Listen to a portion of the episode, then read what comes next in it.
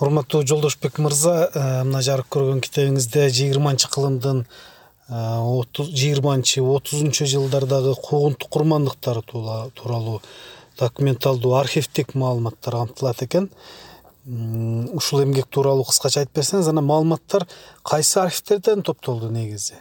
Кыргызстандагы куугунтук курмандыктар аталышындагы менин архивдик документтердин жана материалдардын жыйнагы э, аталышындагы китебим үч чоң тарыхый мезгилди кучагына камтыйт. Бул жыйырманчы кылымдын жыйырманчы жылдарынын башындагы басмачылык кыймыл.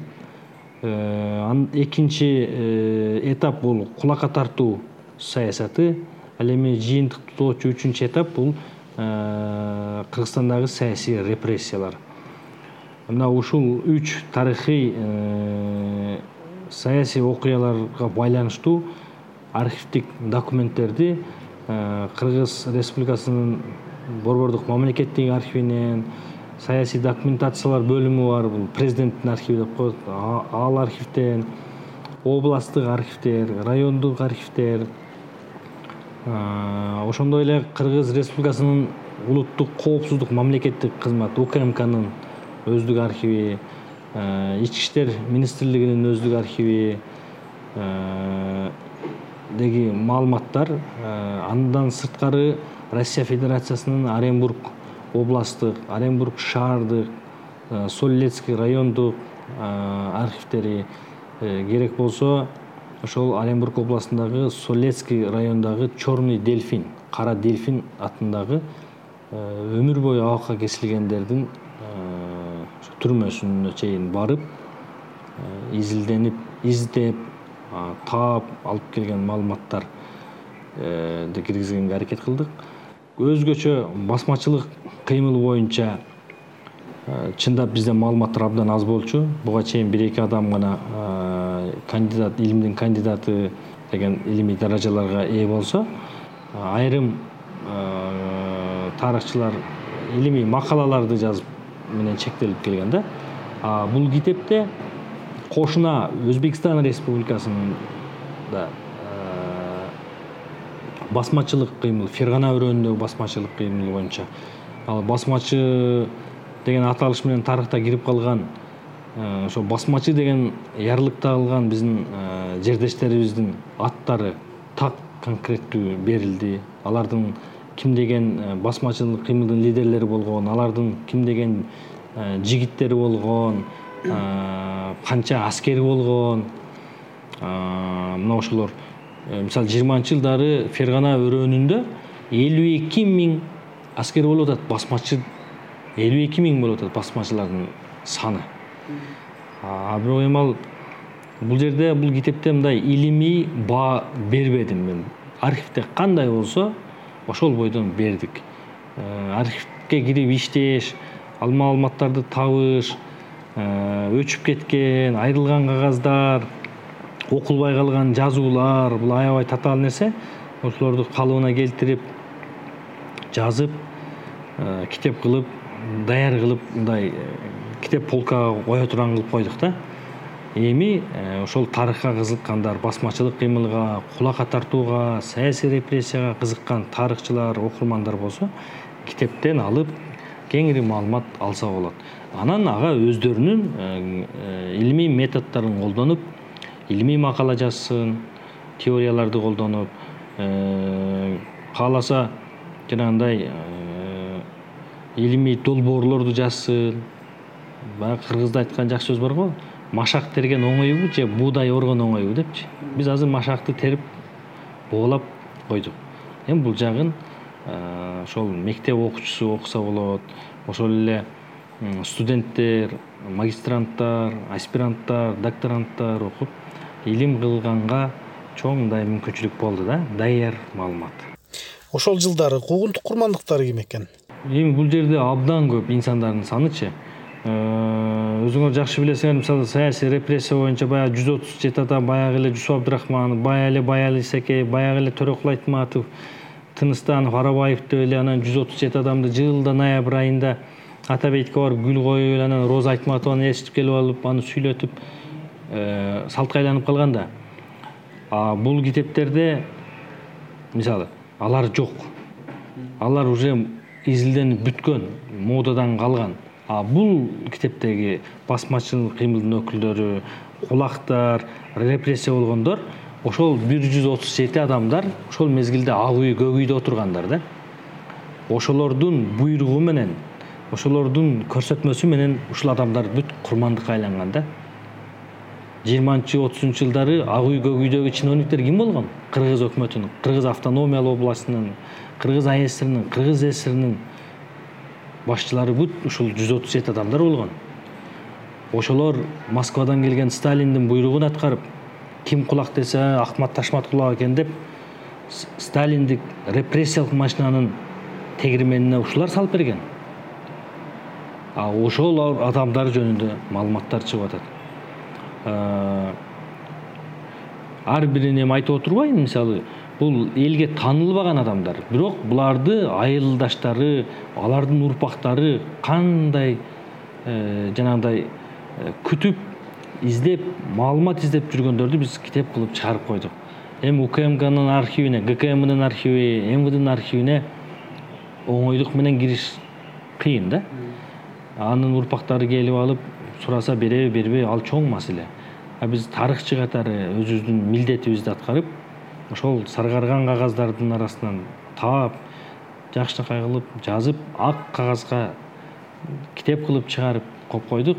Азыр мен көп адамдардын э, репрессия болгон куугунтук жеген кулак эле басмачы эле дегендердин урпактары келип бул китеп жарык көргөнгө чейин даярдалып жаткан мезгилде өздөрүнүн аталары чоң аталары жөнүндө маалымат алып кетишти. Мисалы мына өзгөн районунун куршап айылынан бир жигит келип жазындабы кышында маалымат алып кетти. Ошо фейсбукка чыгардым көрүп алып кетти. Сүйүнүп мына сизге сүйүнчүсү деп.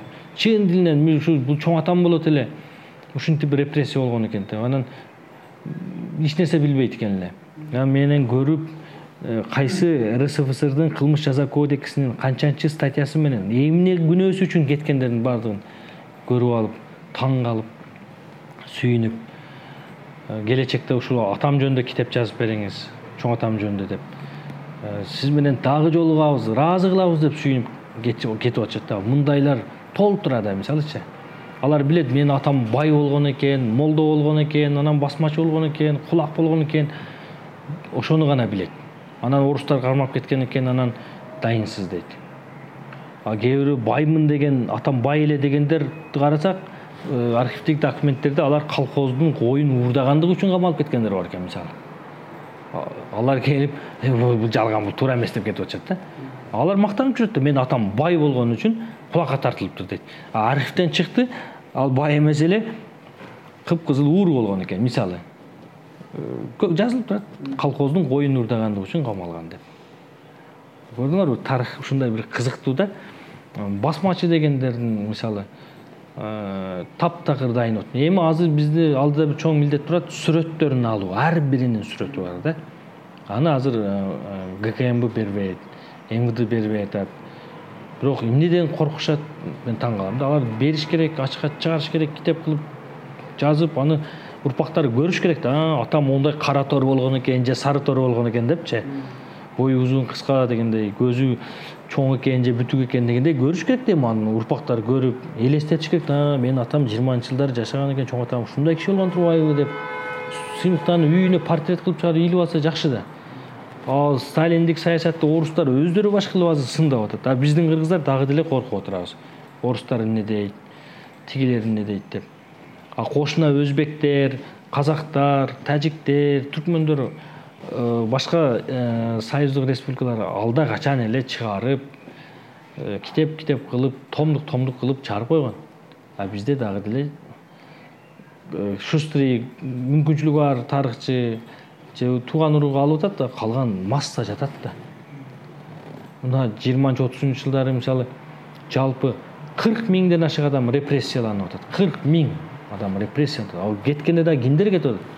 Билимдүүлөр илимдүүлөр байлар кетип атат. Калктын каймактары кетип атат. Ошон үчүн да бүгүн жанагындай бизде лидер чыгара албай атат окшойбуз да. Жалаң азган тозгондор калып кудайдан жөө качкандар калып жанагындай бүт так түптүү э, тектүү жанагы калтын каймактары жок калгандыктан болуп атат окшойт десек да болот да. Документтер канча жыл топтолду? Китеп эки миң жетинчи жылдан бери топтолгон эмгектер да. Үч китеп кылып даярдадым бул ушул төрт жүз алтымыш жети барак андан кийинкиси беш жүз сексен анан кийинкиси жети жүз жыйырмабы ушундай. Азыр бул китеп э, бишкек шаарында басмаканада чыгып жатат. Бул чыккандан кийин муну эми сатып анын акчасына экинчисин чыгарып аны сатып үчүнчүсүн чыгарып ошентебиз да мугалим биз бай эмеспиз. Айлык менен жашайбыз. беш жүз нускада заказ берилди. Университетибиз ош мамлекеттик университети калем акы деп сексен беш миң сом акча берип атат. Китептин электронный вариантын университеттин электрондук китепканасына мен өткөзүп берип атам. Мындан нары өзүм да чыгарсам болот университет кааласа университет өзү да чыгарса болот кааласа чыгарбайт. Бирок бул жаңылык болуп атат башка университеттерде мындай жок. Биздин ош мамлекеттик университетинде ошол алгачкы жолу биринчи китеп болуп атат. Ушундай мугалим жазган эмгекти университет калем акы берип университеттин китепканасына алып атат. А мурда мугалим эптеп беш он китеп акчасына жараша чыгарат эле да анан университеттин ректоруна көтөрүп барат эле мынандай китеп чыгардым ушуну беш он сомдон алып бер муну албасаң болбойт депчи. Азыр ал методдон кайтып университет жаңы метод да мындай калем акы катары сый акы катары ошо миң доллардын айланасында акча берип анан китепти университеттин китепканасына электрондук. Азыр эми баардыгы санариптешип атат электронный болуп атат китепканага кирип барактаган азыр аз да. Баардыгы эле интернеттен эле шарт Э, шилтемелер аркылуу кирип эле окуйт. Азыр ошол беш жүз нуска буйрутма берилди. Ошо бир айдын ичинде китеп жарыкка чыгат университеттерге таркатылат э, мектептерге китеп магазиндерине дүкөндөрүнө сатууга чыгат да бул тарыхый документалдуу китеп жогорку окуу жайларында мектептерде э, мындай окуу куралы катары окутулабы? Ушул жагына аракет кылып көрдүңүзбү? Кыргызстан тарыхын бешинчи класстан баштап окуйт. Эми мектепте тарыхты бешинчи класстан баштап окуйт мен адашпасам университеттерде сөзсүз баардык адистигине карабай кыргызстан тарыхы окутулат. Мына ушул өңүттү алып караганда мектеп колледж жогорку окуу жайларында студенттер муну негизги булак кылбаса дагы кошумча булак катары маалымат катары окуйт. Ал эми тарых адистигиндегилер үчүн ал сөзсүз баалуу булак деп эсептелинет. Ал боюнча жөн эле окубастан илим кылса болот илимий проекттерди жазса болот. Э, мен ойлойм бул э, тарых кыргыз тарыхынын актай барактарын толтурганга чоң салым болду да. Бул деген жыйырмадан э, отузга чейин он жыл аралыгындагы үч чоң саясий тарыхый окуянын жөнүндө маалымат чыгып атат да. Бул фото документтер бар ичинде. Жарыкка көрө элек.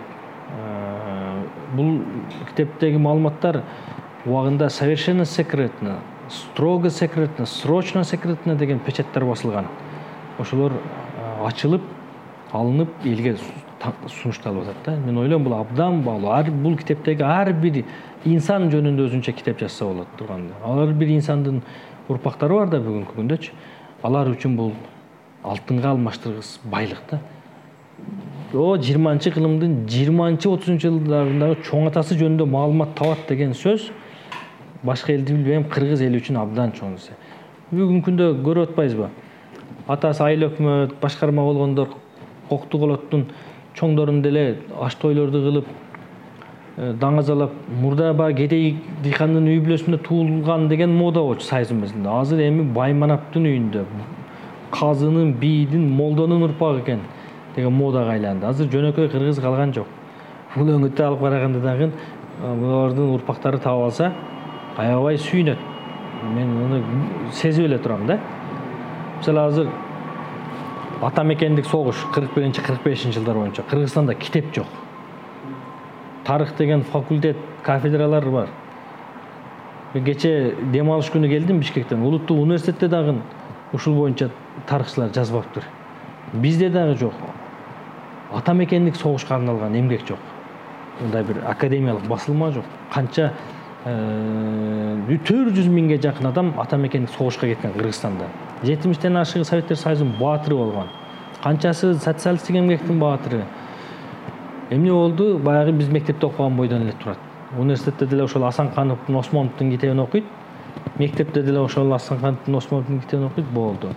Ал эми россия федерациясынын коргоо министрлиги тарабынан мемориал ру деген сайт ачылып ошол жерге дайынсыз жоголгондор согушка кеткендердин өздүк делолору э, орден медальдардан бери салып коюп атат.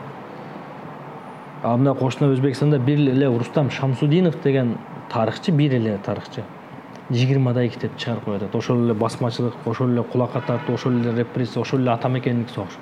Экинчи жаһан урушу деген китебин чыгарып койгон үч китеп. А биз бул будан да аркада калабыз бизде кандай? Бизде э, эптеп илимдин кандидаты болобуз эптеп доктор болобуз. Болуп алгандан кийин эле болду мен кафедра башчы болушум керек мен декан болушум керек мен ректор болушум керек деп мен депутат болушум керек дейт да. Биздеги ойлонуу ошондой а кошуналарда илимге кеттиби болду ал ошол илимдин артынан кетти.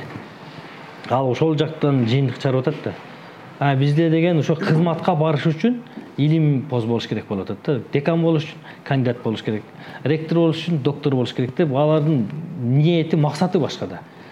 Кошуналардыкы болсо ошол илимди табайын китеп кылып жазайын өзүмдүн мамлекетиме эмгек кылайын деп атат да. Биздин айырым маселе ошол. Рахмат маегиңизге